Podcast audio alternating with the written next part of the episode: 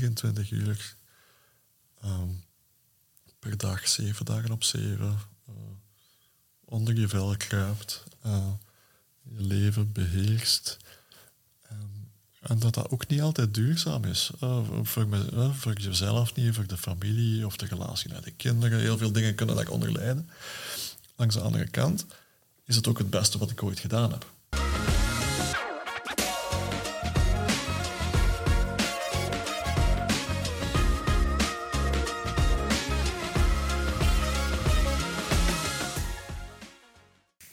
Vertrokken zijn.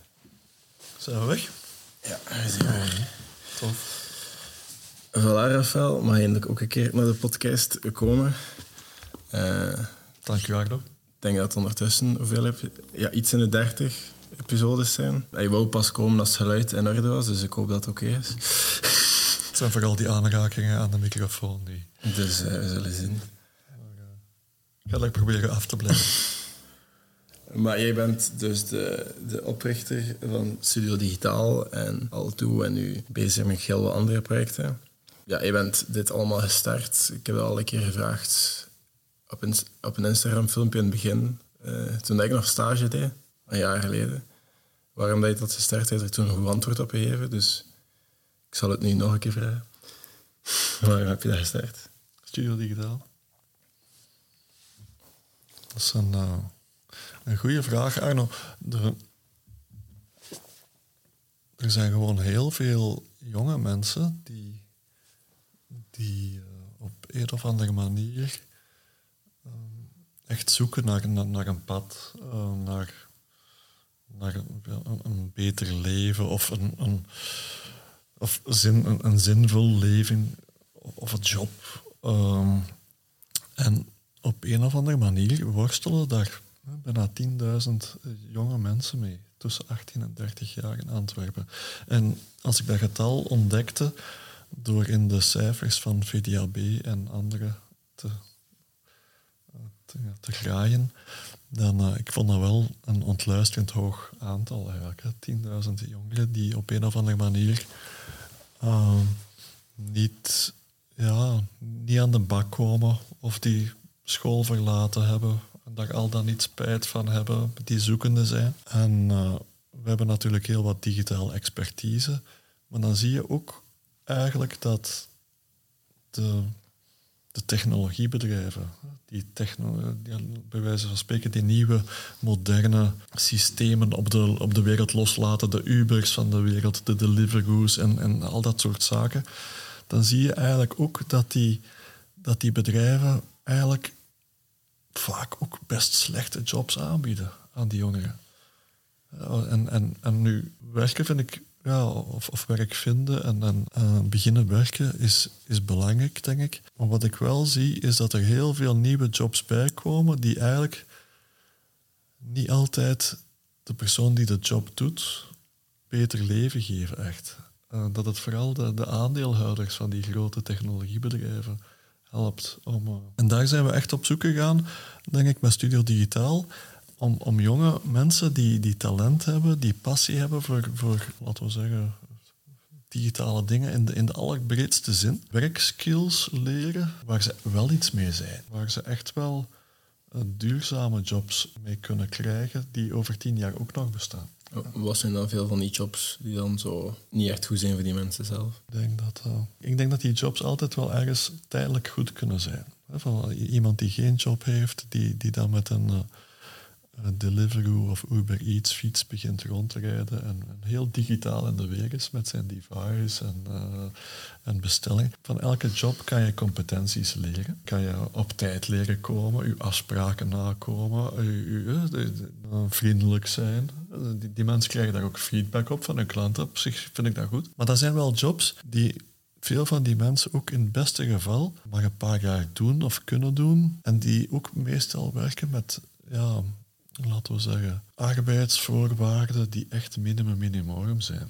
Ja, de, waar, waar, waar, dat mensen ook heel snel aan de kant worden gezet of wanneer dat ze een paar dagen niet inloggen, dat ze dan geen ritten meer krijgen en zo verder. Eigenlijk beginnen mensen heel vaak in, in, in een geautomatiseerd economisch proces mee te draaien, zonder dat ze daar zelf veel impact op, op hebben. En als dat dan ook nog eens gebeurt in statuten waar ze eventueel bij wijze van spreken bijna schijnzelfstandigen zijn en zo verder, dan denk ik dat dat op lange termijn niet houdbaar is. Nee. En, en, dat daar niet echt ja,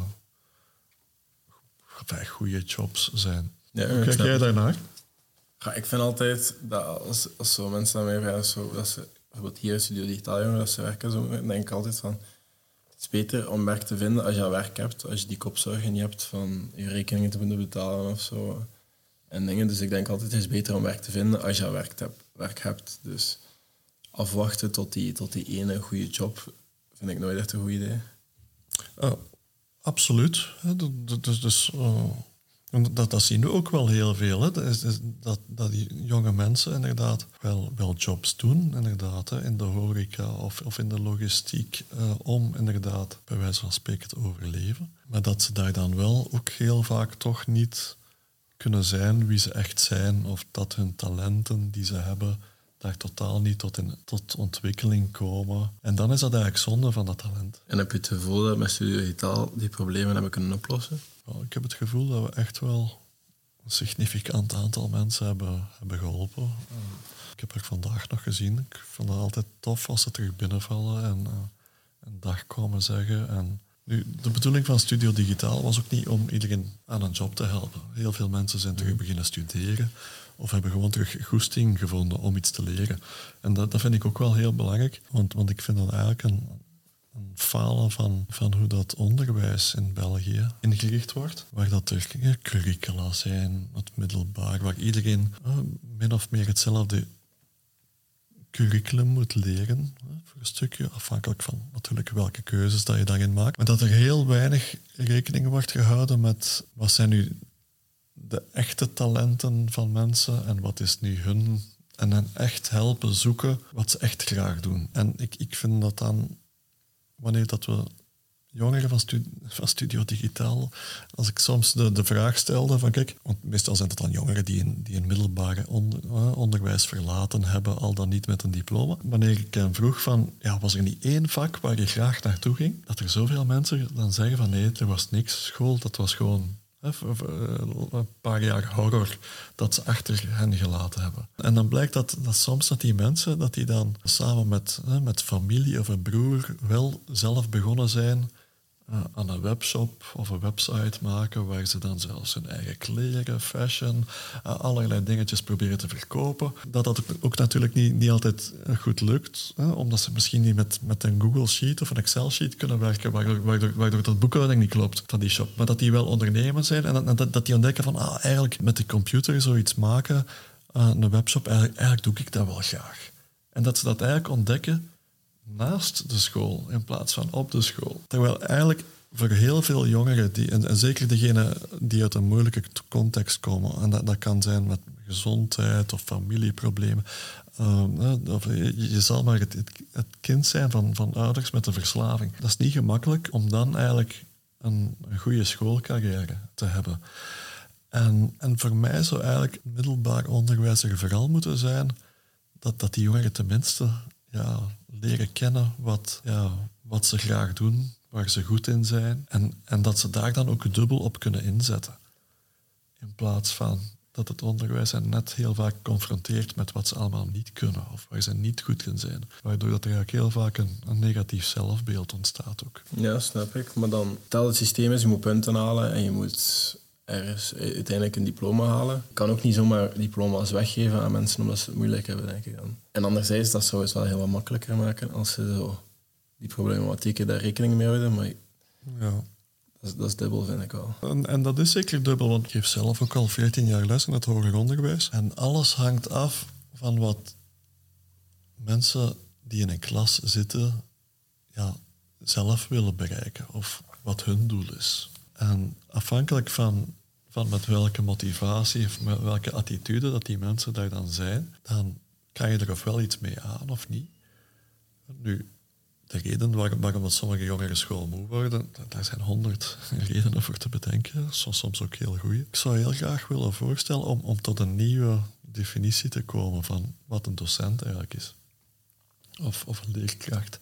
Omdat heel veel mensen in het onderwijs zullen van hun eigen job zeggen van kijk, ik geef les. Dat dat hun opdracht is. Hè. Eh, Nederlands lesgeven of wiskunde of om het even welk vak. En, en dat hun job klaar is wanneer dat ze die les gegeven hebben en de examens verbeterd hebben en punten uitgedeeld hebben. De definitie die ik zelf gebruik voor, voor wanneer ik zelf voor de klas sta, is van ik ga deze groep helpen iets leren. Of ik ga deze groep of deze mensen proberen te inspireren en proberen dat ze onthouden wat ik belangrijk vind voor dit vak. En wanneer je zulke definities gebruikt van wat die job is als leerkracht of docent, en dan zou blijken dat de helft van mijn studenten misschien niet kwalificeren voor mijn vak of onvoldoende inspanning doen, dan heb ik vooral zelf gefaald als leerkracht. Als mijn job is jou helpen leren. Ik weet ook dat het enorm moeilijk is in een stedelijke context als Antwerpen om zo'n klas dan wel enthousiast te maken over een onderwerp en, en hen goesting te doen krijgen om dat zelf te eh, willen leren of kennen, in plaats van dat het moet, omdat het... Ja, maar ik ben akkoord dat het volledig aan de leerkracht afhangt. Want wiskunde was mijn favoriete vak, maar dat lag niet aan het vak. Dat was aan de leerkracht. En sport, Ah, ja. maar dat lag wel aan het vak. Oké. Maar, Heb je nog van die vakken gehad die, die het ene jaar wel super graag... nee, maar wiskunde is iets, ik ben daar heel goed in, maar ik doe dat niet graag. Maar die leerkracht liet mij gewoon het boek invullen en dan mij, mij voor de rest, als, als ik klaar was, gewoon doen. Ja, Terwijl andere leerkrachten op mijn kap zouden zitten omdat ik, voor, omdat ik, omdat ik te snel werk of omdat ik, omdat ik niet alle tussenstappen opschreef. Ze had me dan uiteindelijk aangeraad om burgerlijk ingenieur te worden, maar toen heb ik heel eerlijk gezegd, sorry, maar wiskunde vind ik niet zo leuk. Maar ik wou toen ook naar het leger, dus dat waren andere dingen. Maar ik denk, om dat terug te gaan naar het andere, ik denk ook zo een doel hebben. Want die zegt inderdaad, zo, iedereen heeft een reden om school niet af te maken. Maar ik denk dat dat bij alles is, als je zo nergens naartoe wilt, is het heel makkelijk om te stoppen met iets. ja. Ik denk dat het veel makkelijker is om school af te maken. En ik kijk dan naar mezelf. Voor mij was dat heel makkelijk, omdat ik wist dat ik wil para worden en special forces. En ze nemen niemand aan met een secundair diploma. ja. Dus ik heb dat toen allemaal gedaan. Omdat je een doel had. Ja, en ik heb dat altijd, ik heb dat in alles nodig. Maar ik denk, ik denk dat dat bij heel veel is. Want als ik mensen help met sportschema's of zo ook. Ik zeg altijd je maar schrijf je in voor een marathon of zo, whatever. Want als je dat doet, ga je dat volgen, anders ga je dat niet doen. Ik vind dat nog een, een, een belangrijke, omdat, want, want we praten, de doelgroep van, van Studio Digitaal, dat was kwetsbare jongeren. Ik kom ook wel regelmatig kwetsbare jongeren tegen die wel een, zelfs een masterdiploma hebben, soms zelfs met onderscheiding afgestudeerd, maar dat die ook op de arbeidsmarkt problemen hebben. Of dat die, of dat die soms als, als 23 of 24-jarigen tot het besef komen dat hetgeen wat ze geleerd hebben en gedaan hebben, heel plichtsbewust, dat dat eigenlijk heel vaak de doelen van de ouders van die, van die kinderen waren. En dat hun eigen passies en hetgeen wat ze eigenlijk zelf wilden doen, soms iets totaal anders was. En, en, en, dan, en, en dan misschien zelfs aan, aan de job beginnen waarvoor ze gestudeerd hebben en merken van oei, eigenlijk, eigenlijk wil ik dit helemaal niet. Nee. Maar wat doe je dan? Want ik heb nu ook onlangs iemand gezien die zo... Die heeft een master en die heeft gestudeerd en is bij een solliciteren voor die jobs van die master. En die merkt van, ja nee, sorry, dat is niet wat ik wil doen. Wat doe je dan? Ja, Je hebt al zes dat, jaar wel, opgeoffered. wel, dat zijn voortschrijdende inzichten. en, en, en nu, de voorbeelden die ik dan heel vaak zie, als, als je ook zo mensen vraagt van welke, welke job ze doen en, en wat ze dan, welk diploma dat ze hebben, dan zie je dat er een volledige mismatch is tussen, tussen eigenlijk eh, heel vaak dat- dat mensen iets totaal anders zijn gaan doen dan waarvoor, waarvoor ze gestudeerd hebben. En dat kan ook wel. Maar het is ook heel moeilijk om het voorhand te weten. Ik ben marketing en communicatie aan het studeren omdat ik in een filmschool wou starten. Oh, wauw, ja. Uiteindelijk zijn we nu die podcast. Uiteindelijk ben ik niet ja, op podcast alles aan het combineren. En allee, doe ik alles een beetje. Dus, allee, het is, ik denk niet dat je al als je 18 jaar bent, denkt van nu ga ik dat studeren en ik ga dat doen. Er gebeurt zoveel in die jaren dat je aan het studeren bent en dan uiteindelijk met die diploma's kan je zoveel doen. Ja. denk dat het vooral verstandig is dat je een diploma pakt, zodat je eh, nog mee verschillende dingen mee kan aanpakken. Maar ik, ja, ik vind, vind het interessant dat je zegt van ja, ik, ik ben dan uiteindelijk marketing gaan doen, maar dat is natuurlijk een wereld die ik, die ik ook redelijk goed ken, maar uh, de, de beste marketeers zijn heel vaak geen marketeers van opleiding. En, en heel vaak mensen die, die soms zelfs exacte wetenschappen of uh, psychologie heb je ook, zie je ook heel vaak. En, en dat komt omdat eigenlijk de basiscompetentie om een goede marketeer te kunnen zijn, is gewoon inlevingsvermogen in andere mensen, empathie. En, en ik ken heel veel marketeers die afstuderen, die, die, die het moeilijk hebben om zich in te leven in anderen. En, en daar, kan, daar, daar kunnen ze aan werken. Hè. Dat, is een stukje het onderdeel van, van levenslang leren uiteindelijk. En dat begint wanneer je die diploma hebt. Wat heb je gestudeerd eigenlijk? Dat is een goede vraag. Die de, de, ik heb, uh, laten we zeggen, in het middelbaar heb ik een, uh, een, waterval binnen het ASO gedaan, denk ik. Um, begonnen met Latijn. Uh, dat lag mij totaal niet. Grieks nog minder. Daar hebben we dan mee gestopt. wiskunde, dat was iets wat ik als kind ja, zonder problemen kon. Graag. En waar ik ook niet hard voor moest studeren. Dus ik ben dan uh, overgeschakeld naar wetenschappen. En dan... en Latijnwetenschappen was dat dan. en dan uiteindelijk nog in het laatste jaar veranderd naar moderne talen wetenschappen, omdat ik eigenlijk op het middelbaar, en ik heb dat onlangs, en, en verteld ook tegen de jongeren van Studio Digitaal. En ik had dat eigenlijk nog nooit tegen iemand verteld. Maar als ik op middelbaar zat, ben ik ook een aantal jaren, ik niet alleen trouwens, verschillende andere uh, kinderen en die, die gewoon gepest werden. Ik ook. En er was gewoon een heel hard groepje in mijn jaar die andere mensen inderdaad wel echt, ja, pesten. Bij mij ging dat niet zo ver, bij sommigen ging dat heel ver. En de school die trad daar ook niet tegen op. En voor mij was dat eigenlijk een trigger om me daar heel hard tegen af te zetten. En, en ook gewoon, ja... Wat deed dan? Een andere richting? Escapisme. Oh, heel veel tijd inzetten op hobby's, allemaal buitenschoolse activiteiten. Uh, ik denk... Uh, um, de, een hobby die ik deed als, als tiener was, was snooker spelen. Daar ging ik dan helemaal in op. Maar ik was ook DJ, muziek, al dat soort zaken. Ik kreeg allemaal tien keer meer belang dan, dan die school. Want die school die associeerde ik met, met, met, met, een, met een cultuur waar ik totaal niet bij behoorde. Um, Uiteindelijk ben ik nog in het laatste middelbaar veranderd naar een totaal andere school, waar dat, uh, waar dat ik wel gewoon aanvaard werd, waar dat ook, en de school waar ik van kwam, dat was, een college, college en zo. Um, heel hard gericht ook op uh, de persoonlijke ontwikkeling, het ik, leren, studeren, de elite van de maatschappij produceren. Terwijl de school waar ik uiteindelijk afgestudeerd ben, in het middelbaar, was veel meer van ja, community. Hoe we samen dingen realiseren. Uh, ik ben ook van het college naar dat nemen gaan. En dan heb ik, maar toen mocht ik zelf, omdat ik in mijn vijfde alleen ga wonen, toen mocht ik zelf mijn richting kiezen. En toen had ik eerst economie wetenschappen gedaan en toen zeiden ze van ja... Want ik, hadden toen samen sport met, met Humane. Mm En ik was iedereen aan het dubbelen en zei, Arno, is sport niks voor jou? En dan was zes uur sport extra in plaats van economie. Dus dat was snel beslist. Naar gegaan en ik heb daar... Dat was een klas van zes en dat, dat zijn mensen waar ik altijd mee babbel af en toe. En dat was inderdaad meer samen en dingen. Dus ja, dat is waar. Okay, en, uh, iemand waar ik van deze week een, gesprek mee had, die, die, die zei het eigenlijk ook op een hele goede manier.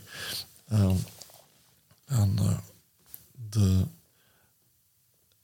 wanneer dat mensen, kinderen naar school gaan, dan zowel in het lager als het middelbaar, als waarschijnlijk ook aan de universiteit, is het altijd een ding dat studenten niet van elkaar mogen afkijken. Of, of je hebt een toets en dat is een individuele we riepen. En een, individuele assessment van wat je kan en niet kan en dit en dat. En, en, en, als er al afgekeken wordt, dan staan daar zware sancties op. Of dan kan je heel, heel, heel, slechte punten krijgen of andere strafstudies en zo verder. Terwijl één keer als, als, als mensen werken, dan verwachten we eigenlijk dat mensen zich groeperen als een team en dat ze zoveel mogelijk van elkaar afkijken. Voortdurend en van elkaar dingen op, uh, opnemen en leren. Ja, maar je hebt ook die andere pool. Hè? Je hebt ook, want in mijn derde jaar, mijn laatste jaar in hogere studies, was het enkel maar groepwerk. Ik had toen zeven groepen aan een stuk bijna. Ja. En dan had ik soms ook, ik wil een keer een paar vakken gewoon op mezelf doen. Want na een tijdje werd dat zo een, een teammeeting hier, een teammeeting daar. Dan moet je daar naar de college okay. af te spreken. Dan moet je achter din gaan zitten, omdat hij dan deel nog niet had gemaakt. Zo, het is, het is wel zo, soms is alleen vind ik ook wel goed. En ik daar stoorde me dat echt, ik heb dat ook als feedback gegeven aan de richting, het is misschien te veel groepswerken. Ja. Ja, de, de, de, balans vinden daartussen is, is belangrijk, denk ik. En, en uh, tussen individuele zelfontwikkeling en, en, leren samenwerken met, met, met andere mensen. Maar daar zie je ook dat de mensen die die als hobby een teamsport doen, dat die ook die competenties kunnen leren van, van in een team met andere mensen iets realiseren of een wedstrijd proberen winnen. En, en, uh, en, en, en, hoe belangrijk het is, uh, bijvoorbeeld in volleybal, uh, dat je communiceert van ik ga die bal pakken, en dat je niet tegen elkaar botst. En hoe, hoe belangrijk dat communicatie ja, ook, ook heel is in, in, in, in teamconstellaties.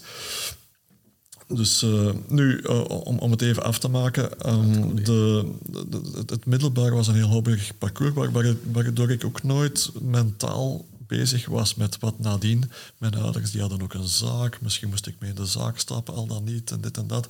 Uh, uiteindelijk ga je verder studeren. En, en heb ik dan waarschijnlijk ook eerst een keuze gemaakt voor, voor um, omdat mijn ouders ondernemers waren. Ze, ze hadden een, een patisserie, een grote patisseriebakkerij. Bijna twintig mensen in dienst, ook zowel winkel als, als, als, bakkerij. En, en uiteindelijk was dat een, ja, een economisch vliegwiel.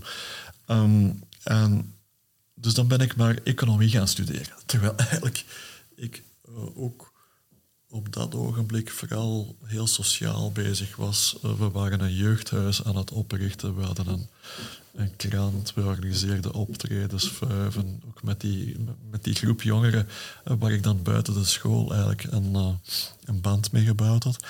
En, en als ik terugdenk aan die periode, dan heb ik uit, uit die initiatieven waarschijnlijk meer geleerd dan, dan, dan, naar school gaan, denk ik zelf.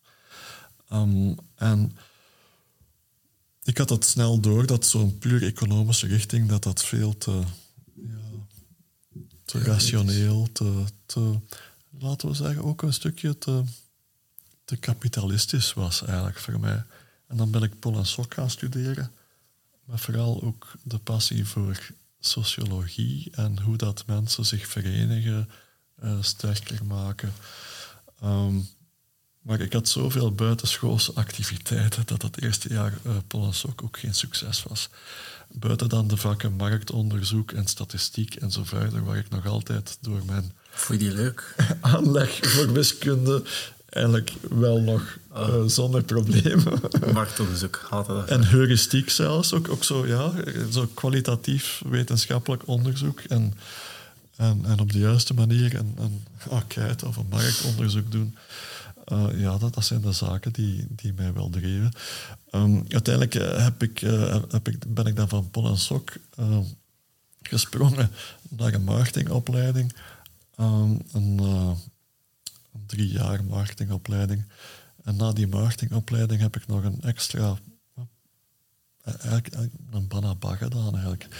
Nu zouden ze dat twee bachelors noemen. Maar dat was een, een opleiding non-profit management. Alles wat er bij ja, management, leiding geven komt kijken, voor organisaties waar, waar, de, waar het, doel, het, grootste doel niet is om profit te genereren. Maar, maar, maar, dat kan even goed een sportclub zijn, of een ziekenhuis, of een jeugdbeweging. Uh, ik, was zelf heel hard uh, bij een onafhankelijke jeugdbeweging betrokken. Dus, dus, dus ik was daar echt iets gaan studeren dat, ja, dat helemaal in mijn interesseveld lag. En, uh, en, de meest boeiende lessen, waarschijnlijk ook organisatiepsychologie zelfs. En, en dat werd dan gegeven door door een mevrouw, ik ben haar naam vergeten, maar, maar zij was vakbonds uh, afgevaardigde van een hele grote Belgische vakbond. En zij kwam vertellen over organisatie, cultuur en psychologie en al dat soort zaken. En uh, ik vond dat uitermate boeiend, nog altijd. Ook in de eigen organisatie werken we daar heel hard aan. En, en dat zaadje is eigenlijk daar ja. geplant meer dan twintig jaar geleden. Moet je misschien ook een keer koffie gaan drinken met haar? ja, ik zou echt... Uh, ja, misschien wel. En wat heb je daarna gedaan, na je non-profit? Wel, wel zo, zo, zo. Dat was de eerste job. Ja, dus dan, dan, dan zou je denken, ik heb dan gesolliciteerd om... Uh, hoe heet dat dan? Uh, ook, ook verschillende keren te vergeefs gesolliciteerd. Ja, ook zo tweede of derde geworden. Bijvoorbeeld zo voor... Dat waren functies als nationaal secretaris van, van de Scouts of de Giro. Een van die jeugdbewegingen zocht een, een, een, nationale secretaris. En die jobs die heb ik dan eigenlijk... Uh, ja, gerateerd, langs de andere kant. Um, als ik daar nu op terugkijk, was het eigenlijk een geluk bij ongeluk. Uh, want ik had mezelf als tiener, dat heb ik misschien ook niet vergeten te vertellen zo net, als tiener um, had ik mezelf leren programmeren. computers, dat bestond nog niet op school. Toen ik uh, op middelbaar zat. Ook zo'n computerklas. Zo ja, computerklas. Zo, maar, maar in, in, de richting die ik dan volgde, was dat niet. Dat, dat, ja. Dat, ja, dat begon net. Dat waren van die hele grote bakbeesten, grote schermen, uh, monochroom nog. Um, en, en ik had zo een, een home computer, een Commodore 64. En, en daar, daar verdiepte... Enfin, in plaats van school ging ik daar vooral mee aan de slag. En, en had dat ding weinig geheimen nog. En eigenlijk door, door mezelf dat te leren, heb ik dan... Uh, en na dan een aantal jobs gerateerd te hebben, voor waar, waarvoor ik gestudeerd had, heb ik uiteindelijk een job gekregen als analist-programmeur. Zware materie.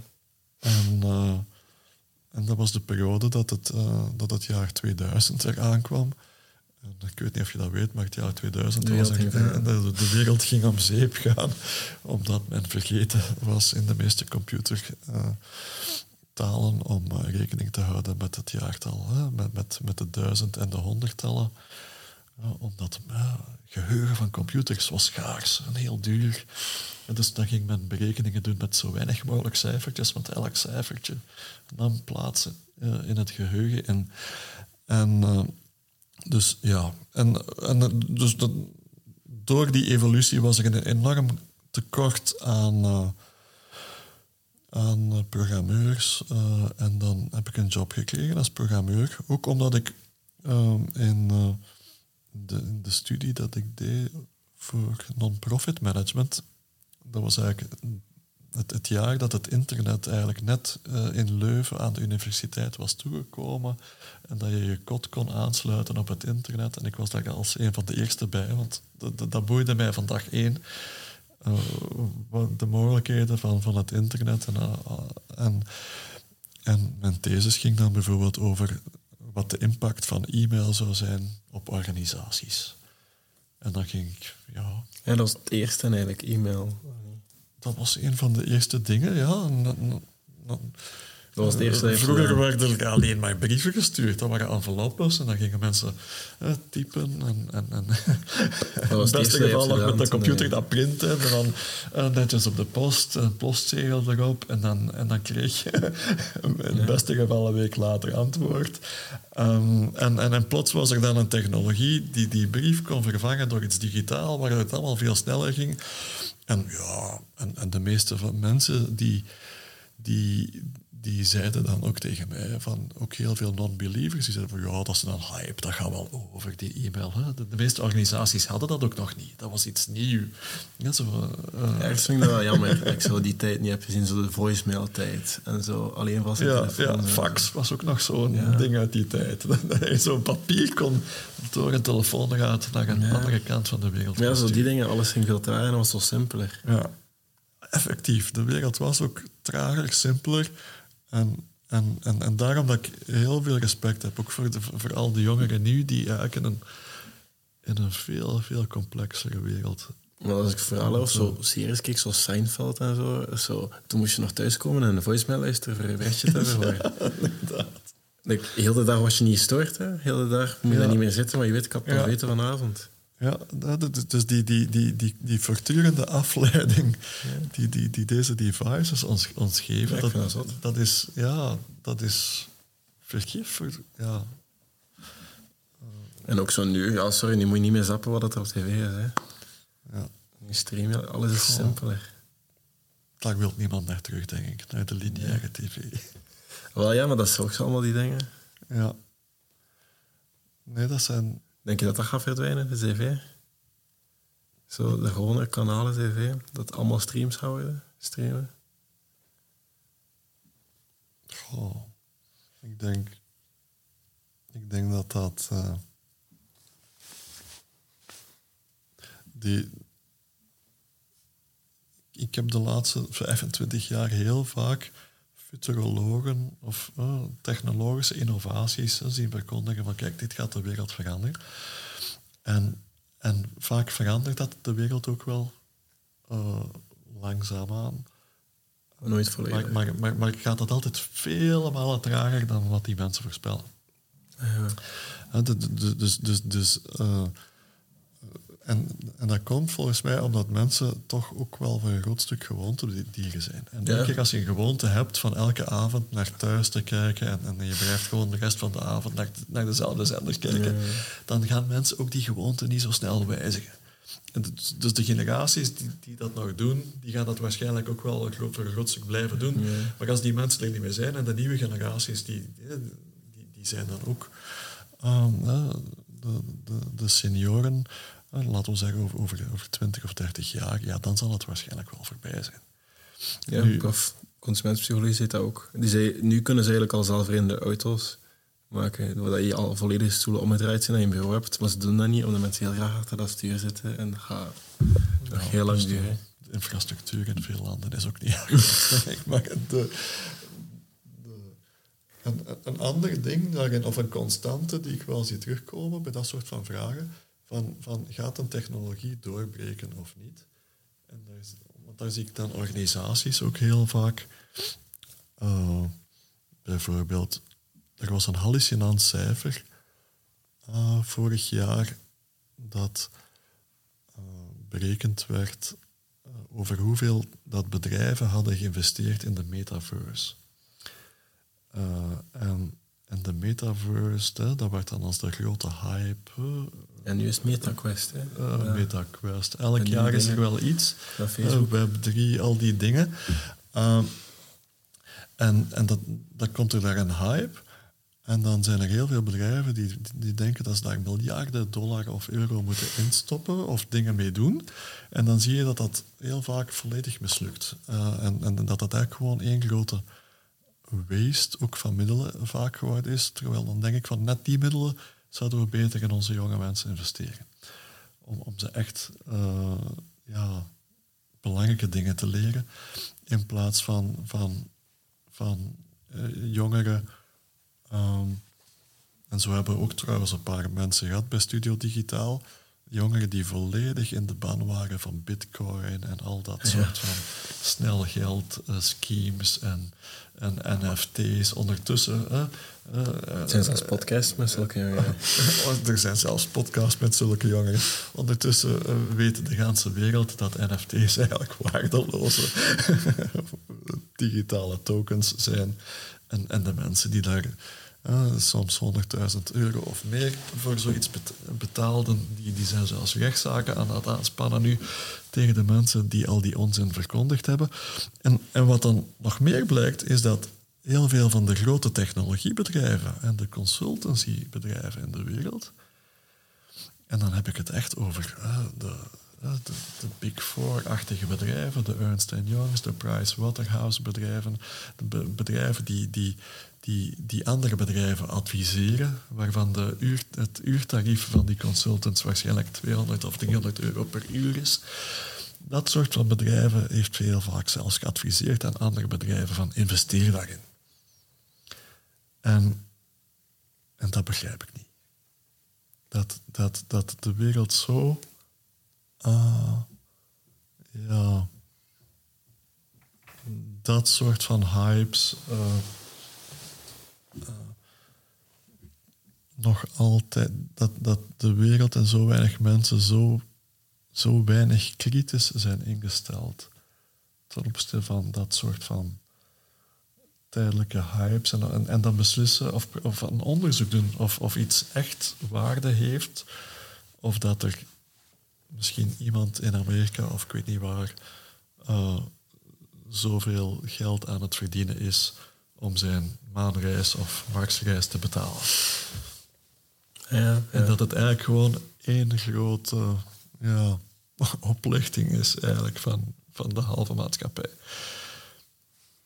En eh, nu, ik wil nog één ding meegeven. Misschien als je zelf... Want, want elk jaar komen er wel nieuwe hypes.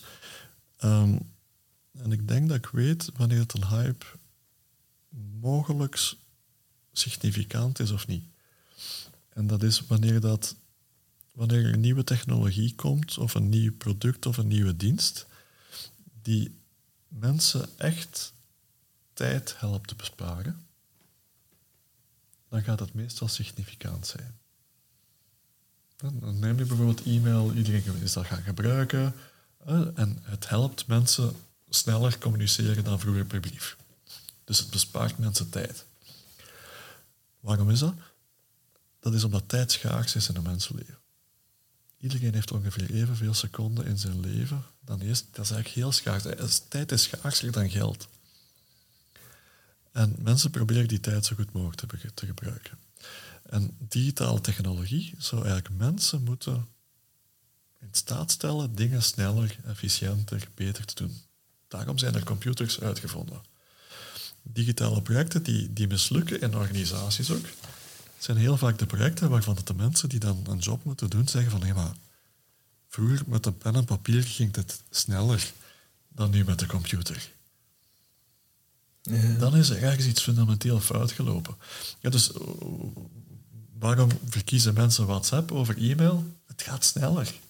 De communicatie gaat vlotter, sneller, minder formeel. Daardoor hebben ze een, een technologie succes de metaverse. Met zo'n bril, een zware computer, ik weet niet wat voor technologie dat je nodig hebt, en een setup dat je moet doen waarschijnlijk. Ja, wat ze nu op inzetten, want nu heeft Facebook iets nieuws gelanceerd, en dat is MetaQuest, en dat is een bril, en dat is niet zo super groot. Kan je overal meepakken, je ziet gewoon de wereld, maar hier kan ik gewoon een computerscherm hangen, ja. en dan kan ik een serie kijken terwijl ik in de gym zit bijvoorbeeld. Ja, of een pad of whatever. En, maar heel veel mensen met sommige gezondheidsproblemen krijgen nog altijd epilepsieaanvallen van die brillen ook. Dus, dus uiteindelijk is, is dat... Ja, de meeste mensen die ik tegenkom, die willen niet rondlopen met zo'n bril. Nu, nu, nu, nu, lang, lang geleden hè, uh, was dat ook wel zo bij de smartphone. De, de, de, de eerste mensen die, die met zo'n grote bak aan ja, ja rondliepen. die werden ook als Amazon antenne, die werden ook als Willy-dozen of early adopters beschouwd. Maar, maar uiteindelijk, ja, die, die, die, die smartphone heeft natuurlijk een heel belangrijke rol in heel veel mensen hun leven gekregen. Waarschijnlijk te groot en, en, en, en waarschijnlijk de, de, de, de verslavingsfactor van, van smartphone, van schermpjes, van bewegend beeld, is waarschijnlijk veel, veel te groot. En hoe, want nu bijvoorbeeld, ja, je hebt al die problematieken in jouw studies en zo gezegd en zo. Hoe ga je daarmee om met je eigen kinderen? Met hun onderwijskeuzes en hun technologiekeuzes en zo. Ik vind dat, ik vind dat heel moeilijk. Ik vind ook een, een, een, een goede vraag, omdat heel vaak... Ik, ik, ga via een omweg, omwegje antwoorden. Uh, we hebben twee kinderen, uh, zoon en dochter. Ze zijn allebei tiener. Um, je zou kunnen zeggen van, kijk, ze zijn van dezelfde generatie. En ze leven in dezelfde wereld en dit en dat. En dat is ook zo'n typische uh, veralgemening dat je in marketingboeken ziet. Hè? Generation Y, X, dit en dat. En, en, dat die allemaal anders... Hè? Dat, dat, dat, dat is een fundamentele verschil ertussen. Wel, als ik naar mijn twee kinderen kijk, of ik kijk soms ook naar de twee of de drie kinderen van andere mensen, als ik naar die van mij kijk, dan zie ik twee totaal verschillende mensen. Dat is dan generatieverschil of karakterverschil? ja. Elke mens is uniek. Ja. Elke mens heeft zijn, zijn persoonlijkheid, eh, talenten, uh, passies. En, de, en, en, en, en wat ik zie is dat dat... En valkuilen ook. En wat ik zie dat bij een van de twee kinderen, dat dat eigenlijk... Uh, dat er een heel natuurlijke, goede balans is tussen... Uh, en, en met dat andere kinderen daar meer mee worstelen. Met, met ja, die ja, stoppen en, en, die smartphone uh, wegleggen om, om, om genoeg slaap nog te hebben en al dat soort zaken. Um, langs de andere kant zie ik, ja, denk ik dat dat ook gewoon onderdeel is van een leerproces. Maar dat leerproces is voor elk anders. Dus als ouder vind ik het ook heel moeilijk om, om, om daar dan één regel voor allebei. Ik heb zo'n gevoel dat je totaal niet streng bent als ouder. Omdat dat ook niet goed is. Ik heb dat het gevoel dat ik kreeg van ja. ja nee, ik, ik vind ja, streng zijn is niet, ligt niet in mijn aard. Waarschijnlijk omdat, omdat mijn papa wel ook streng was, mijn mama minder. En ik probeer dingen van hen allebei mee te nemen. Maar um, um, Geloof je dan in straf? Het, het, fundament, denk ik, is wanneer dat je streng bent en straft, dan geef je eigenlijk een stukje extrinsieke motivatie opdat andere mensen, in dit geval je kinderen, het gedrag zouden doen wat ik wil. Dus ik ben dan de extrinsieke motivator die eventueel een straf kan geven of streng zijn als ze niet doen wat ik wil. Ja, dat is waar. En terwijl ik geloof heel hard dat kinderen vooral ook vanuit zichzelf moeten um, ontdekken en leren wat hen drijft en wat hen motiveert, intrinsiek. En en, en daarmee aan de slag gaan. En de,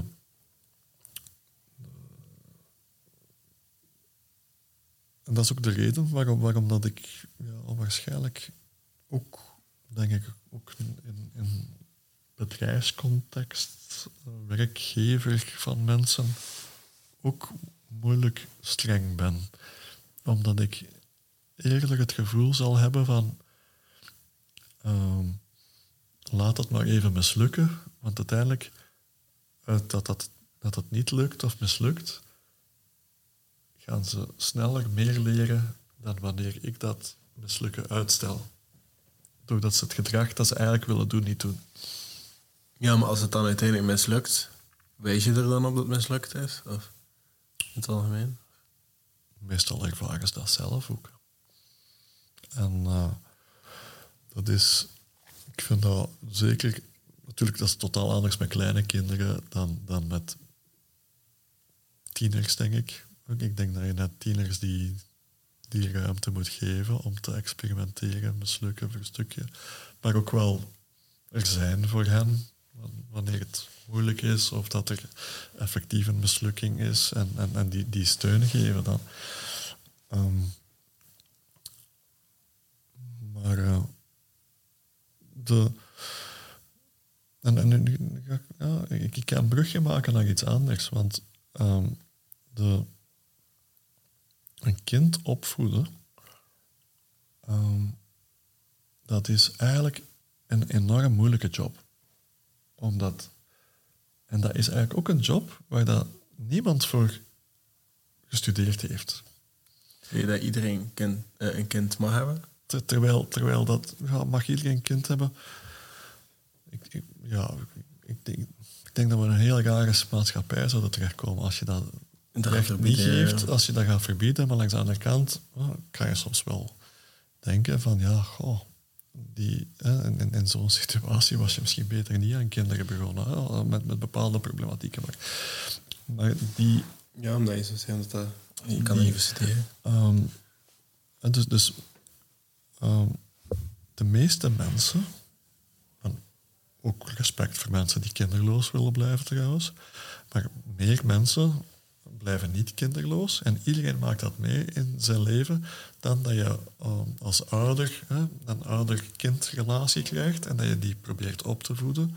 En natuurlijk de school en, en andere uh, instanties helpen daar wel een klein beetje mee. Maar eigenlijk uh, wordt, wordt wat je daarvoor moet kunnen nooit aangeleerd, tenzij je eventueel een opleiding tot uh, pedagogie of agogiek of, of andere, uh, dat soort van opleiding, of misschien humane kiest uh, in het middelbaar. Maar in, in het standaard curriculum wordt dat ook niet geleerd. Op het middelbaar, van hoe voed je een kind op? En wat is daarbij belangrijk? En wat kunnen, wat kunnen al alle mogelijke situaties zijn? Vroeger ging men ervan uit dat, dat ouders dat die kennis aan hun kinderen doorgaven. En, en een beetje de, It takes village to raise a child, achter, en de familiecontexten en, en, en, en, die communities. Maar dat zijn eigenlijk zaken die ook allemaal verdwenen zijn de, de, laatste 30, 40 jaar. Of die veel minder aanwezig zijn dan vroeger. Veel, veel meer eenoudergezinnen, veel meer uh, uh, de, of, of, minder hechte familiebanden soms, of, of, familie die, die heel ver woont, waardoor het ook fysiek moeilijk is soms om, om nog te ondersteunen. Dus die... Ik, ik, ik, ik, ik pleit eigenlijk veel meer om, om dat soort van vakken standaard in, een, in het curriculum van het middelbaar te stoppen. Opvoeding al? Opvoeding. En ze niet eerst meer weten over seks dan? Ga je aan opvoeding beginnen? Seks, dat komt er toch al in voor, niet? Oh ja, toen ik het had, was dat heel basic. Was dat een condoom of een, een, een, een, een banaan trekken. En de pil werd uitgelegd en een spiraaltje en zo. En dat was het bij ons. Ja. Dat is meer zo voorbehoudsmiddelen. Ja. Uiteindelijk, ja, dat is ook iets dat je zelf ontdekt, denk ik dan. Maar ik heb ook wel vaak goede argumenten gehoord dat ze daar meer over willen. Maar dat zijn ook vaak mensen die dan wel problematieken ondervinden op die, op die, op die zaken. Ja. Nu, nu, ik ga iets vertellen, omdat uiteindelijk probeert elke ouder, denk ik, bij, zijn eigen, eigen kind dat uh, te, uh, te leren hoe dat je je kind opvoedt. En wat ik dan merk is van, ah, ik moet dat niet twee keer hetzelfde doen, want mijn twee kinderen zijn anders. Dus de aanpak, dat, dat gaat al twee keer ja, ik ga andere accenten leggen. Um, de, wat je ook wel leert is van, kijk, als je, als, uh, als je kind bepaald gedrag vertoont dat je eigenlijk als ouder niet wenst, en, en je, hebt, je denkt daar een oplossing voor te hebben door die in de hoek te zetten, maar, maar het kind blijft het gedrag toch altijd maar doen. Als je telkens met dezelfde oplossing komt en, en het helpt niet, ja, dan moet je vooral zelf nadenken van, kan ik misschien eens iets anders proberen? Of kan ik misschien eens te raden gaan bij iemand die mij een tip geeft over hoe ik dit eh, problematisch gedrag of, of whatever, als ik dat zelf als een probleem ervaar, toch, uh, kan aanpakken. En dat andere mensen daar waarschijnlijk wel bij kunnen helpen. En, uh, en dat is ook een van de zaken die, die, die in mijn leven ook wel. ik heb. ik had vroeger twee hele goede vrienden en wij organiseerden heel veel dingen samen. En die zijn allebei gestorven. En, verlies en omgaan met verlies, dat verandert de mens. En, en een van die vrienden, nou, die was eigenlijk, ehm, die was eigenlijk opvoeder in een internaat. En internaat, dat zijn ook al vaak moeilijker kinderen die daar terechtkomen en Ik zo heb ook op verder. een internaat gezeten. Ja, je hebt ook op internaat gezeten, hè, denk ik. Of, of mensen met, die uit een context komen van, van dat, hè, dat waarschijnlijk de kernfamilie niet in staat was altijd om, om echt elke dag er te zijn. En, en die... En, en, ja, eh, nu, Bruno is gestorven aan, aan hersenkaker. eh, en, maar ik, ik heb heel veel van Bruno geleerd. En, en als ik met Bruno optrok en ik zag hoe dat hij met jongeren omging, omdat hij waarschijnlijk dezelfde soort problematiek al tien of twintig keer was tegengekomen bij andere jongeren eh, in het internaat, kon hij veel ja, spontaner en direct tot, tot een oplo- oplossing komen. Waar, dat, waar, dat, waar dat je als ouder naar je eigen kind en je wordt de eerste keer geconfronteerd met een bepaald probleem, dan kan je volledig radeloos zijn. Of je kan iets proberen en het werkt niet en nog iets. En, en zelf ook eh, inderdaad eh, het, het moeilijk krijgen. Dus die... ehm, dus, dus, eh, en, en eigenlijk is dat met alles zo in het leven. De eerste keer dat je het doet, gaat het meestal niet zo goed zijn. En als je iets opnieuw doet en opnieuw doet... Hè, eh, eh, eh, want- Een kind is zijn eerste eh, dan- pannenkoek. inderdaad, de eerste pannenkoek zal inderdaad niet zo goed zijn. Hè, maar stel dat je... Want, ik heb gehoord dat je een triathlon wil doen volgend jaar. En dan, dan kan je ook niet zeggen van ik ga dat volgende week doen. Ik bedoel, Je, je moet, hoe, hoe- Ik kan dat wel, maar ja. hoe, hoe, hoe- hoe- hoe vaak moet je dat voorbereiden, alvorens dat je in staat bent om dat echt te doen? Lang. Lang, hè? Dat vergt tijd. En, herhaling. En blijven doen. En, en technieken zoeken tot, het- tot het wel lukt. En, en, en, dat iteratieve leren. Iets blijven proberen en telkens nadenken van waar kan het beter, hoe kunnen we dat beter doen. Dat is trouwens ook iets dat we in Studio Digitaal hebben proberen toepassen. Dat we inderdaad jongeren hebben proberen inderdaad op weg te zetten naar naar een beter leven. Of één stapje verder. En dan zie je het eerste jaar van, ah, dat je gefrustreerd bent van, kijk, ah, nee, het, lukt niet altijd even goed. Maar, de- maar, maar dat je jezelf en je eigen processen in vraag moet stellen om, kunnen we samen met andere partners en mensen kennis samenbrengen om, om die mensen beter te begeleiden. En eh, ja, en, als ik dan kijk naar hoe dat, dat dan de laatste maanden loopt en hoe dat jongeren echt stappen vooruit zetten, dan ben ik daar heel Dankbaar voor dat we dat hebben kunnen doen. Wat waren jouw vierste momenten als Studio Digitaal? Zo de gebeurtenissen dat je dacht van, ah, ik ben blij dat ik dit heb opgericht. Goh. De vierste momenten. Ik, ik, ik denk dat ik enorm trots ben en fier op, op individuele jongeren. Ehm, de, degene waarvan ik dan... ehm, de, en, en dan denk ik aan jongeren die, die ook... Niet omdat ze niet intelligent genoeg waren... ehm, in, in, in het typische ASO, TSO, BSO watervalsysteem in België terechtgekomen zijn, dat ze dan van VDAB te horen krijgen van ga jij maar eh, een job zoeken als een magazinier, hè, daar of dit. Nou, maar ook die, jobs van magazinier, met, met de, de evolutie in robotica en AI die nu bezig is, die gaan waarschijnlijk niet meer bestaan over tien jaar. De- Dus, dus mensen nu sturen naar jobs waarvan, je, waarvan we eigenlijk al bijna kunnen voorspellen dat die jobs niet meer gaan bestaan, omdat de robotten die goedkoper en sneller gaan kunnen doen eh, in België. Ja, andere discussie trouwens, van, van eh, ehm, wat daar de oplossingen voor zijn.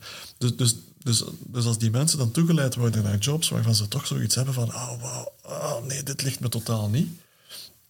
Je kan die mensen dan ehm, eh, toeleiden naar een job die ze dan wel graag en met passie doen. Ehm, eh, waar, waar, waar, en soms zijn dat jobs waar echt computerwerk bij komt kijken. Maar die mensen kunnen wel heel vaak niet foutloos schrijven. Dat is waar. En, en, en, en, en weinig van, van jongeren die begeleid hebben, en ik zelf trouwens ook, ik, ik vind dat zelf ook niet zo heel belangrijk, ehm, die... Nou, ik werd er net Maar, uitgemaakt. maar, maar, maar, maar, maar de, de jobs waarvoor dat je een cv moet insturen, maar waar dat eigenlijk dat de competentie foutloos schrijven voor die job eigenlijk niet belangrijk is. De cv's die worden geclasseerd verticaal omdat er schrijffouten in staan, dat is fenomenaal. Ook al is de competentie foutloos kunnen schrijven helemaal geen vereiste voor die job soms. Maar nu tegenwoordig... Allee, ik, ergens nu ben ik het wel meer en meer te snappen waarom dat bedrijven zich dat doen. Want ergens, je kan er gewoon in ChatGPT steken of zo. Ja. En de schrijffouten zijn eruit. Ja. Of een keer laten nalezen naar iemand. Dus op zich, daarmee kan je wel de mensen weg die niet de extra effort willen doen. Dus ik snap het wel. ja. Je snapt dat die cv's worden eh, Ja. opzij gelegd en dat die mensen niet uitgenodigd worden voor gesprek. Allee, ik snap als je er 100 krijgt, dat je die er eerst wil uitscannen. Omdat je dan ziet van, als je al niet kan laten nalezen of niet kan even in een, in een ChatGPT of zo steken, wat ga je dan nog doen voor moeite als je dan komt werken voor mij bijvoorbeeld? Oké, maar, maar dan laten we zeggen dat er, dat er dan misschien een attitude-issue is naar nauwkeurigheid of, of commitment dat nog ontbreekt bij die mensen. Maar als, als, als dat gebeurt bij een 18, 19, 20-jarige, Dat is normaal, is dat niet iets waar je aan kan werken nog? Waar dat die mensen ook feedback op nodig hebben en waar, waar je hen in kan coachen en motiveren om daar wel aandacht aan te gaan besteden. Nee, nee, maar ik- denk zeker dat dat, dat, dat kan en dat, dat het ook belangrijk is dat iedereen een kans geeft. Want ik denk, de beste werknemers zijn de mensen die je kan sturen. Allee, ik kan dingen Ja. leren en zo. Ik heb eh, ja, ook, ook in het bedrijf hè, dat, dat, dat- dat we zelf hebben en proberen start. Ehm, je hebt van die bedrijven die, die, die er prat op gaan. Soms ook zelfs expliciet, dat ze zeggen van kijk, bij ons moet je niet zo citeren als je niet tenminste een grote onderscheiding had en een dit soort diploma of dat. Eh, wij recruteren alleen maar de 5% slimste of beste mensen uit de arbeidsmarkt. Ik denk dan altijd van, wat, wat moet er met die 95% andere mensen gebeuren? Verdienen die geen kans? Nee. Eh, hoe kunnen we een maatschappij maken waar effectief iedereen ja, zinvol werk doet en, en aan de slag kan? En, ehm, ja, zich, zich, zich goed in balans, werk, privé. eh, en hoe kan je dat doen als elk bedrijf zegt van kijk, we willen alleen maar de 5% beste mensen aanwerven? Of daar zo selectief in is? Ehm, ik denk, ja, de...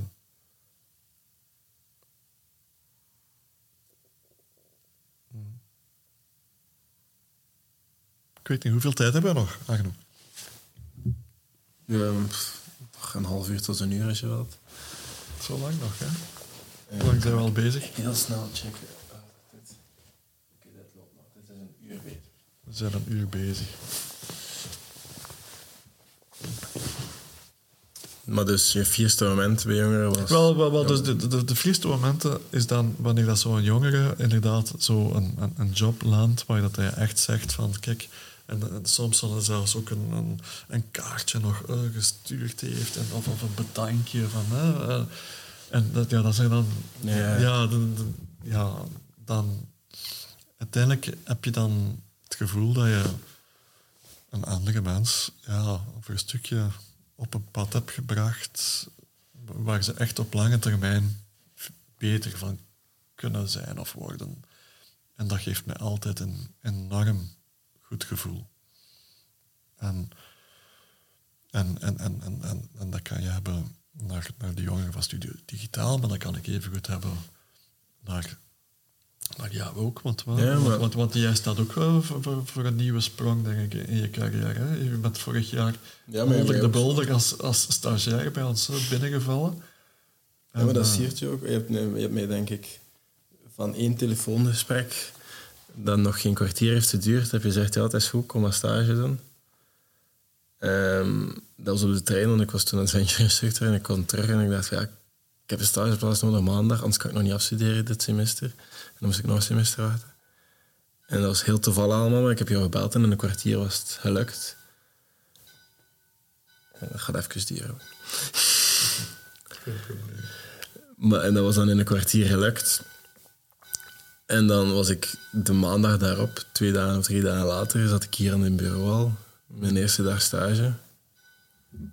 En dan ehm, heb je mij dan ook de kans gegeven om te werken. En heb je een vast contract aangeboden. En dan mocht ik ook beginnen. eh, om aan de communicatie van Studio Digitaal te werken. En dat was dan 1 januari ging dat dan in. Want dan liep mij sta- allee, was ik afgestudeerd. En dan nu zijn we hier, bijna een jaar later. Wat, wat heb jij de laatste twaalf maanden vooral geleerd? Tussen wat je voordien deed. Goh, ik, heb, ik heb wel heel veel geleerd. Een beetje zo, ja, het was mijn eerste echte job zonder dat ik er wat erbij studeerde of zo. Dus dat is wel zo. Ja, dat alleen al plannen en zo werken. En je wordt wel redelijk zelfstandig gelaten, dus op dat vlak vind ik dat wel leuk en je leert wel veel. Misschien moet ik even wachten. Ja, dat is zo. Je bent, je bent hier wel zelfstandig en je wordt hier- dus op dat vlak leer ik wel en ik ga daar ook wel goed op, dus ik vind het wel leuk. Ehm, maar ook zo dat ik misschien niet gebouwd ben om continu achter een bureau te zitten. Dat heb ik ook wel gemerkt. En bijvoorbeeld ehm, dat ehm, ik was heel goed op school in, in digitale marketing. Zo, op zich heb ik daar nooit advertenties op gezet of zo. Dus zo leuk. Maar hier door dat effectief te doen en zo, en dan bijvoorbeeld voor jullie op te zetten en zo, had ik wel heel snel door dat, oké, dat is niet zo dat ik kan wel verder gaan. En dat dat wel zo heel snel is van, ik heb wel zo, ik, bijvoorbeeld ja, nu, ik heb een nieuwe job en ehm, persverantwoordelijke en content head van een wielerploeg. Allee, dat is wel, dat is wel zo, nu ga ik overal ter wereld zitten en meelopen met de koers, meelopen met de camera, met drones vliegen en zo. Ehm, het is heel, allee, het is 24-7 werken, werken on the go. En ik denk dat dat wel... Maar ik denk, het is niet dat ik hier niet graag zat, maar nu zodat ik die nieuwe dingen zeg, denk ik wel zo, een competitieve sfeer, dat is wel iets dat ik heel leuk vind. En nu bijvoorbeeld zat ik daar, eh, ik zat in de auto met iemand, het eerste wat hij zei tegen mij, ik had zelf nog niks gezegd, dus ik heb me ingeschreven voor een Ironman, de volledige. Ik zei, ah, ik ook. Oké. Dus snap je zo, dat weet je wel, zo, ik zit wel in de omgeving van de juiste mensen. En dat zijn allemaal mensen die op dat vlak wel echt aan het gaan zijn en zo. Maar, ja, maar- maar dat jouw audio- en videograaftalent er was, dat, dat je eigenlijk voordat je die job had bij ons, eh, dat talent had je eigenlijk al bewezen. Je persoonlijke initiatieven, denk ik. Dat zijn ook dingen dat ik niet op school heb geleerd. Nee, voilà, inderdaad. En, en, en, en waarschijnlijk is dat een stukje waar, waar, waar je passie ligt en, en, en daar nu in die nieuwe job dubbel op inzetten. Ik, ik wil jou ook super danken, Arno, om dat ook bespreekbaar te maken. Ja, want, want uiteindelijk heb je, want ben je nog altijd bij ons aan, aan het werk. Maar het feit dat je die, die, eh, die nieuwe job aangeboden gekregen hebben, dat dat helemaal iets eh, is binnen jouw passie en comfortzone. Enfin ja, nee, buiten de comfortzone of een stuk, denk ik. Maar, wel. maar, maar wel binnen, binnen je, je passie, hetgeen wat je echt graag wilt, de sportwereld ook. Ehm, dat het feit dat je daarover hebt durven praten, dat vind ik fantastisch. Ik bedoel, heel veel mensen die, die, die een nieuwe job aangeboden krijgen, die durven, die hebben een angst om daarover te praten. Ook met hun collega's. En, en of gaan dat dan op een bepaald moment gewoon al- al- als een, als een, een, een bliksem eh, bij een heldere leeuwen een ontslagbrief leggen van oei, ik heb een nieuwe job, ik ben weg. En, maar het feit dat je, ehm, dat je op een bepaald moment daar ook gewoon het gesprek over gegaan bent, dat, dat, dat wij ook zo, ik zoiets hebben van kijk, je moet dat doen. Ja, het was ook niet dat ik op dat moment op zoek was. De, missie van onze organisatie en ook eh, is eh, mensen helpen groeien. En, en, en dat eh, die twaalf maanden dat je bij ons als stagiair en nadien als werknemer bij ons bent, dat als jou dat stukje heeft kunnen groeien richting die nieuwe job nu, dan is, dan is voor ons de missie volbracht. En, eh, en ja, wensen wij jou super veel succes in die nieuwe job. En, en dan weet ik ook dat, dat we contact gaan houden en dat je altijd welkom nog bent hierin. Um, dus uh, ja, nice. Wij gaan trouwens ook iets nieuws beginnen.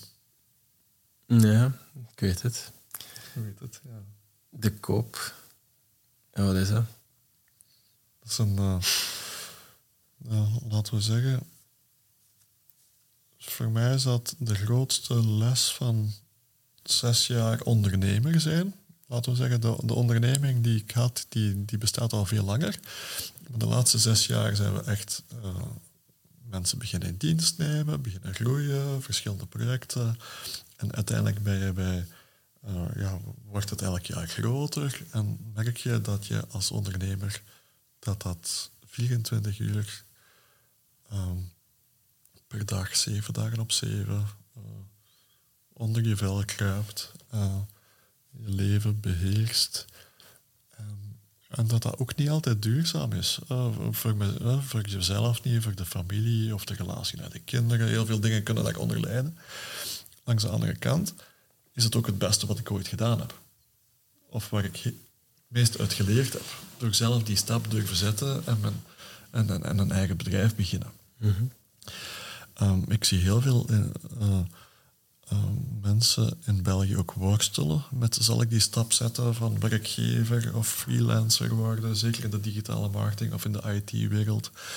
Um, ja, ik zit er niet en, en, de, en die stap die heeft heel veel voordelen, maar die heeft ook heel veel nadelen die je pas leert kennen wanneer dat, dat je dat doet. En, en die nadelen kunnen bijvoorbeeld zijn Um, je gaat met vakantie, maar je hebt uh, een aantal klanten die je regelmatig helpt. En ja, die klanten zullen je gewoon opbellen. Die, die zullen verwachten elke dag of een berichtje sturen. Um, of die zullen soms echt zelfs een groot probleem hebben dat je dan tijdens je vakantie oplost. Dus op het moment dat je freelance wordt, dan ben je ook maar helemaal alleen. En dan, um, uh, en, en, en, en, dan stopt het nooit meer. Um, ofwel moet je je klant in, in, in de kou laten staan, maar dan is de kans klant weg is na je vakantie ook groot. Um, een, een, ander, um, een ander probleem is, is soms als je echt goed bent als freelancer, dan kan het zijn dat, dat er andere mensen vragen van ja, kan je voor mij ook werken? Maar dat je tijd gewoon op is dat je ook gewoon die ruimte die, die hebt om, om ja te zeggen tegen die mensen ook. En ik, ik ben ook zo'n iemand die ja zegt op alles. Uh, of tegen elke klant van een kans geeft. Of mensen kansen geven. Ook ja, ja, ja. Optimist. Ja, op alles. Waardoor je op een bepaald moment dan toch geconfronteerd wordt van oei, nee, die, ja. Hmm, te veel ballen tegelijkertijd in de lucht. En de nieuwe organisatie die we nu gaan oprichten, dat is een coöperatieve uh, onderneming, waar dat eigenlijk um, in plaats van dat dat een eenmansbedrijf wordt en je, hebt, uh, je maakt eigenlijk een soort van kleine piramide met, met de bedrijfsleider bovenaan, dat we eigenlijk iedereen de kans geven om mee in te stappen als mede-aandeelhouder, mede-eigenaar van, van, um, van de organisatie. En dat dat ook heel democratisch en heel evenredig wordt verdeeld. Hè? Zowel de, de, de, de, goede als, als, de, als de slechte momenten die, die we misschien ook zullen meemaken. Maar dus eigenlijk met een heel nieuw businessmodel. Uh, gelijkaardige dingen doen, maar ook nog altijd mensen helpen. Uh, balans te vinden tussen werk en leven en privé en, en blijven leren. Leren van elkaar ook belangrijk trouwens, uh, in, in zo'n omgeving. Eén keer als je freelance wordt, dan heb je niet altijd nog een klankbord van mensen die nog eens komen naast je bureau staan en nog een tip geven van probeer het zo eens, of doe het zo eens, of je feedback geven. Zeker wanneer, wanneer, wanneer niemand in, de, in dezelfde organisatie ook die competenties of die skills heeft. Dus, dus een, een, een, lerend netwerk maken van coöperanten die, die zich verenigen. En, uh, en samen, samen andere organisaties ook uh, helpen groeien, helpen beter worden. Dat is het doel. Vrijdag gaan we naar de, naar de notaris om de akte te tekenen. En wat gaat En, dat voor eh, volgende week zullen er nog wel op de social media's eh, Spannend. wat, wat postjes komen. En wat eh, heeft dat voor jou persoonlijk wat van gevolgen? De coöperatie nu? Van Alto naar de coöperatie? Ehm, voor mij is dat eh, ja, een van de belangrijkste dingen die, die ik nu, nu aan het doen ben, denk ik, professioneel. Omdat zelf ben ik iemand die heel graag dingen start, opstart, eh, nieuwe dingen bedenken, nieuwe concepten. En dat tot op een niveau brengen dat het duurzaam, rendabel is en dat die trein, trein op de rails is en vertrokken is. En dan. ehm, ehm, en vanaf dan zijn er andere leadership of managementcompetenties belangrijker om dat dan op te schalen dan hetgeen waar ik goed in ben. Dus, en nu zit je terug in begin. dus, dus, dus voilà, dus, dus eh, hetgeen wat, eh, wat we gedaan hebben met Studio Digitaal, wat we opgebouwd hebben. Ik, ik vind het enorm jammer dat, dat die opgebouwde kennis, dat die ja, op een of andere manier ja, stopt op 31 december. Maar het is zo. Ehm, maar ook binnen, binnen de- de andere zaken, hè, duaal digitaal verder laten groeien al toe. Ehm, daar hebben we heel veel dingen geleerd de laatste vijf jaar. En ook in een aantal valkuilen getrapt. En die lessen nu meenemen in een volledig nieuw businessmodel, zijnde die coöperatieve organisatie, is natuurlijk wel iets volledig nieuws. Maar wel iets waar ik in geloof dat, het, ja, dat er potentieel in zit. Maar vraag me dat dan over een jaartje nog eens, hoe ver dat we staan. Goed. Ja. Wel ja, meestal sluit ik de podcast af met zo wat te zeggen. Welkom in het Open Café en de podcast en zo. Eh, Maar dit is waarschijnlijk ook mijn laatste podcast als host. Misschien kom ik weer ook binnen een jaar een keer terugbabbelen als, als nog deze podcast nog eh, overgenomen wordt door Robin of door Bridget of who knows. Goh, Eigenlijk, eh, Iemand in de koop. de- deze podcast, inderdaad, voor mij was dat ook iets. Ik ben nog DJ, die, die, die mengtafeltjes die hebben weinig geheimen voor mij, maar ik denk dat we jouw stem moeten op een of andere manier in artificial intelligence klonen, zodat we die, zodat we die kunnen houden. Ik ga daar snel een contact op zetten. eh. Krijgen altijd heel, heel veel positieve feedback over je stem. Want, want, want, eh, want ergens hoop ik wel dat, dat, dat de podcast en dat we andere mensen ook sowieso, we hebben in de apparatuur geïnvesteerd, eh, ook, dat die daar ook mee aan de slag gaan. Eh, maar, maar dat dan durven doen, hè, dat, dat is ook hetgeen waar dat al toe voor staat. Het gewoon doen, het durven doen en aldoende leren. En dat die eerste podcast, omdat er zo iemand tegen de microfoon tikt, dat dat Ja. eh, storende geluiden geeft. Dat is allemaal niet zo erg. Hè? Dat is feedback en daar leren we uit, komen tot betere opstellingen. En zo wordt iets telkens beter. En ik vind dat je dat prachtig gedaan hebt. En, Dank je. en eh, ik hoop dat we tenminste eh, af en toe jouw stem, we zullen die wel via andere kanalen dan nog wel horen natuurlijk. Hè. Ja, mijn persoonlijke kanaal nu terug eh, veel interessanter worden. Aangezien dat ik overal ter wereld ga zitten trainen en zo. Waar ga je de volgende maanden naartoe? Zo in de wereld. Mm, november is rustig. Nu Turnhout, drie dagen. Ah ja, oké. Eh, nee, dan december in Spanje, Calpe. En dan ga je met de wielerploeg mee als, Sportster, als hun rechtsverantwoordelijke videograaf. ja, daar moet ik veel content voor de sponsors maken eh, in Calpe. Dat dan geen reis is. Februari begint het al. Februari zijn de wereldkoersen. Argentinië, eh, Australië, binnen Am- Midden-Amerika. Maar Om dan eind februari de nieuwsbladkoers. heb je je reispas al aangevraagd? Eh, ik, denk dat mijn, ik denk dat mijn paspoort nog goed is, maar ik weet nog niet hoe lang. Dus dat moet ik Ja. eens checken. Dat snel moet checken. Eh, en, ehm, ja, en dan... Ja, en dan is het heel tijd koersen. Ja, en jullie zit ik in eh, Frankrijk, daar kun je me daar vinden. De Tour de. Ja, dat, is, dat staat vast. Gaat Remco hem bereiden? Als persverantwoordelijke moet ik nog leren daarop antwoorden.